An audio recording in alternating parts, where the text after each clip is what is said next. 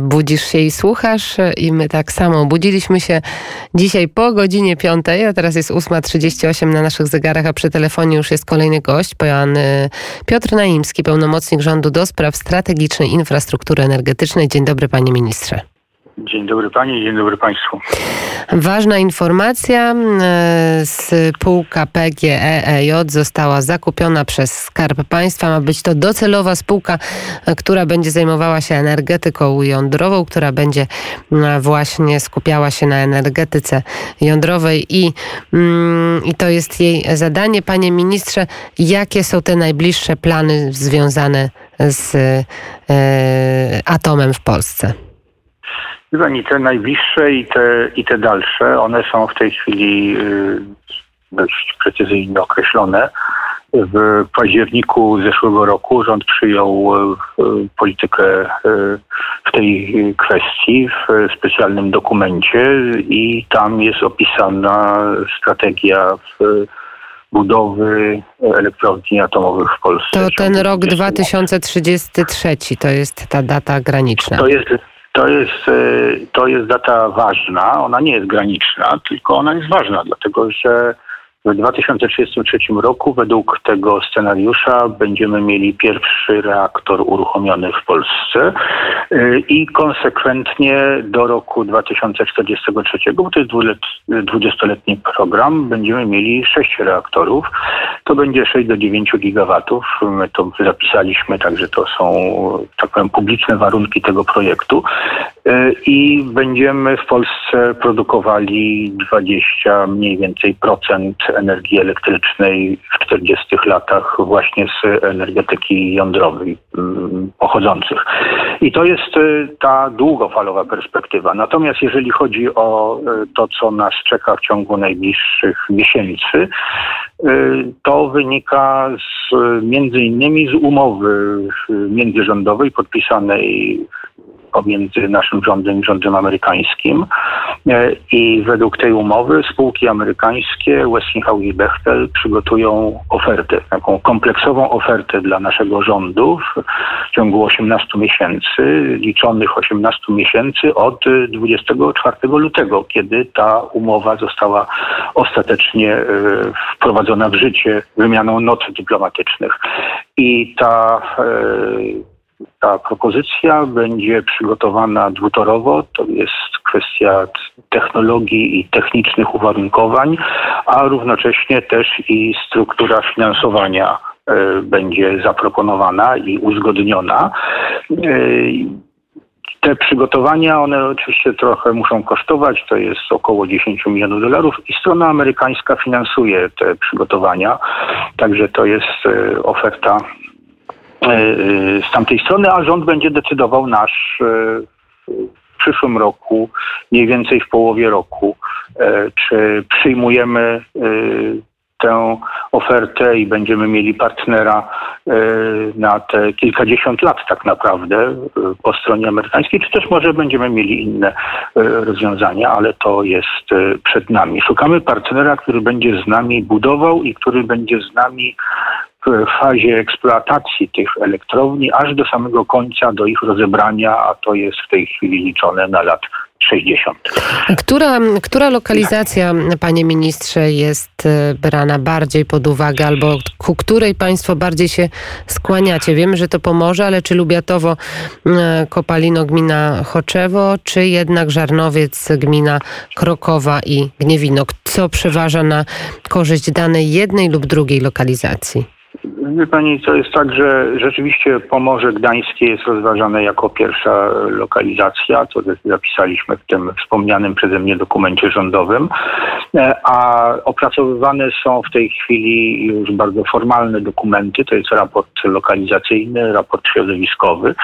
I te dokumenty zgodnie z istniejącym prawem, e, one muszą rozważać alternatywne miejsca. W związku z tym opisywane są obydwa miejsca równolegle. Ale które jest bardziej, które jest bardziej przyjazne środowisku, redaktor, w którym pani redaktor, pani, pani redaktor, pani mnie dopytuje w tej chwili w sposób, znaczy ja w tej chwili nie stwierdzę tego, to raport lokalizacyjny. A kiedy go poznamy? To stwierdzą. Y, jesienią tego roku prawdopodobnie. Jesienią tego roku, czyli za e, kilka miesięcy i wtedy już zdecydowanie państwo rozstrzygną na korzyść jednego z no, miejsc. No, w każdym razie zdecydowanie to będziemy rozstrzygali w momencie, kiedy będziemy podejmowali decyzję, e, formalną decyzję o budowie e, elektrowni, wyborze partnera i będziemy podpisywali kontrakt, bo jeszcze będziemy czy może pan podać datę, kiedy to wszystko się spełni? Kiedy będą państwo podpisywać już? To będzie przyszły rok. To mm, będzie przyszły rok, proszę pani.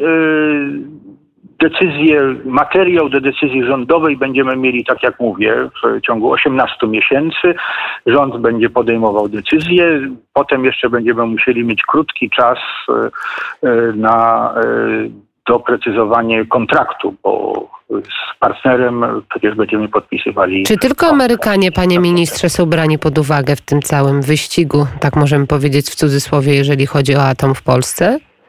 To nie jest, znaczy wie pani, ja pani powiem, sformułowanie wyścig o atom w Polsce jest mi bliskie, dlatego że my po prostu w Polsce musimy się spieszyć.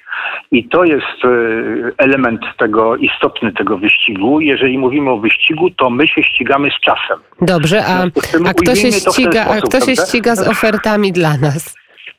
Y, jeżeli chodzi o, o, zainteresowanie naszym projektem, to widzimy to zainteresowanie zarówno po stronie francuskiej, jak i po stronie koreańskiej. Y, my rozmawiamy, przedstawiamy nasze założenia i i nasze oczekiwania. Jeżeli pojawią się jakieś propozycje, będziemy rozmawiali. E, trzeba przyznać, że, naj, że, że jesteśmy oczywiście najbardziej zaawansowani w przygotowywaniu tych propozycji z, ze stroną amerykańską, ale też i chciałbym podkreślić, że wszystko to, co robimy, jest e, zgodne z regulacjami Euroatomu w Unii Europejskiej także, dlatego że przecież no, musimy to robić w zgodzie z tym prawem które na terenie Unii Europejskiej w tej materii obowiązuje. Panie ministrze, no i jeszcze to, co spędza nam sens powiek, to najbardziej dla zwykłych konsumentów, to są oczywiście ceny prądu. Pan e, na początku marca mówił, że te ceny prądu będą cały czas jednak rosnąć. W tym roku, e, w tym roku w porównaniu z rokiem ubiegłym było to około 10% drożej. Energia jest coraz droższa z elektrowni węglowych. E, jakie rozwiązania w takim razie dla tych, którzy najbardziej odczuwają mm, ten wzrost energii, państwo przewidzieli? To jest rzeczywiście trudna dla wszystkich sytuacja, bo uprawnienia, koszt uprawnień do emisji dwutlenku węgla y, rośnie bardzo szybko, szybciej niż nawet przewidywaliśmy jeszcze kilka miesięcy temu i to będzie wpływało w dłuższym czasie na ceny energii także dla nas wszystkich. E, a jeżeli chodzi o, e, o środki, które mogą to złagodzić, bo staramy się przez cały czas i będziemy się starali, żeby to się jak najmniej odbijało na, e, no, na odbiorcach, to w Ministerstwie Klimatu i Środowiska koledzy pracują nad takim rozwiązaniem, które by łagodziło te skutki dla tych e, odbiorców, którzy są w, no, w stanie ubóstwa energetycznego. Tak to się mówi w Unii Europejskiej. Innymi słowy, to są te gospodarstwa e, domowe także, gdzie ilość pieniędzy wydawanych procentowo miesięcznie na energię jest duża, jest przekraczająca no, w Europie się mówi 10%, że to jest Kiedy poznamy taki projekt, panie ministrze? E, to trzeba zapytać w Ministerstwie e, Klimatu i Środowiska, ale koledzy z tamtego ministerstwa deklarowali, że do końca czerwca ten projekt e, będzie, a jeżeli chodzi o szczegóły, to, to musimy czekać na wynik tamtych prac. No ja jeszcze wrócę, bo powiedział Pan, że to wszystko jest związane z cenami emisji CO2. Wiemy, że to jest giełda, że to są no, odsprzedawane te prawa do emisji. Dlaczego te ceny prawa do emisji tak mocno ostatnio wzrosły w ostatnim czasie o kilkanaście euro na tonie? Wie Pani co, trudno jest to powiedzieć e, precyzyjnie, ale można tak intuicyjnie, można powiedzieć, że to jest rodzaj spekulacji, dlatego że jeżeli w Unii Europejskiej przeważa e, polityka e, no, zacieśniania reżimu antyemisyjnego, to oznacza, że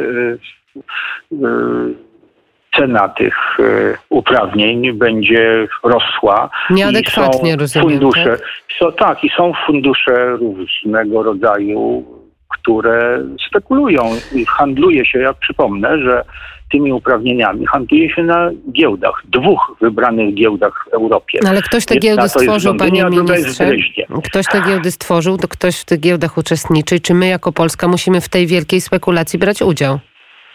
Wie Pani co, to jest y, pytanie o to, czy mamy y, wystarczająco dużo siły, żeby zanegować jako Polska, Polska jest unikalnym krajem niestety w tej dziedzinie w Unii Europejskiej, zanegować y, dyrektywę unijną. Mamy siłę czy nie mamy, panie ministrze? Wie pani, to jest pytanie praktyczne, to się okaże. Mhm. Czyli chcemy, tak, zanegować tę dyrektywę?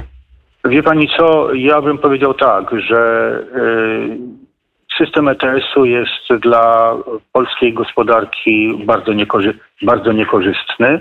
Y, i y, czy my możemy jako Polska uzyskać wyłączenie z tego systemu. Nie wiem, to jest kwestia naprawdę polityczna. Ale to chyba właśnie ten, tak, a nie, a rozumiem. Pozwoli, pa, a, nie, a nie gospodarcza. I y, myślę, że ten problem będzie rozważany. Y, a jak się w istniejących regulacjach unijnych e, e, najlepiej chronić przed skutkami negatywnymi, no to to rozważamy w tej chwili bardzo dobrze. Bo to jest chyba ten argument, panie ministrze, który Solidarna Polska położyła na stole, właśnie jeżeli chodzi o swoje zastrzeżenia do planu energetycznego Polski 2040, prawda? Że to jest właśnie ta dyrektywa, która tak mocno wpływa na, mm, na całą politykę energetyczną i ceny prądu w Polsce. Y, to są zastrzeżenia formułowane przez kolegów z Solidarnej Polski, tak. Mhm. E, czyli tutaj y, pan jakby zgadza się, że ta dyrektywa jest dla nas niekorzystna i że to by było dobre rozwiązanie dla nas. Ona jest nie, dyrektywa jest na pewno dla polskiej gospodarki niekorzystna. Panie ministrze, i na koniec jeszcze pytanie, jak pan spogląda na to, co się dzieje na Białorusi? Mówię oczywiście o e, sytuacji bardzo napiętej. Jak jest, czy, czy w ogóle jest realne zagrożenie od strony Rosji, jeżeli chodzi o bezpieczeństwo energetyczne i e, wysyłanie, przesył gazu i te e, nasze stosunki bilateralne? Wie pan, nie, nie. Ja myślę, że to jest że raczej jeżeli chodzi o rozwój wydarzeń na Białorusi, powinniśmy się martwić e, o stan społeczeństwa, o, o to, że tam niewinnych ludzi zamyka się do więzienia w tej chwili, o to, że mniejszość polska jest tam e, Polacy mieszkający od wieków przecież na terenach obecnej Białorusi są traktowani jako zakładnicy. E, ja, wie pani, pamiętam taki incydent, to był 90, bardzo dawno to było, 1999 rok i był szczyt OBWS Stambule e, szczyt, czyli prezydenci e, i był prezydent e, Polski, prezydent już wtedy Łukaszenko przez długi stół, zanim rozmowy się oficjalne rozpoczęły, Łukaszenko krzyczał do naszej delegacji, a ja mam was, a ja mam was Polaki 600 tysięcy zakładników. No właśnie. Tutaj postawmy trzy kropki, panie ministrze. Bardzo dziękuję. Pan Piotr Naimski, Dziękuję pełnomocnik rządu do spraw strategicznej infrastruktury energetycznej. Y, Życzymy dobrych świąt e, i dużo zdrowia i spokoju. I, wza- i wzajemnie zgody. Em, 8.52 na naszych zegarach i na, za kilka chwil e, opowiemy, co możemy zrobić, żeby napisać albo odezwać się, albo dodać otuchy tym, którzy właśnie na Białorusi są i spędzają tam ciężkie chwile i momenty.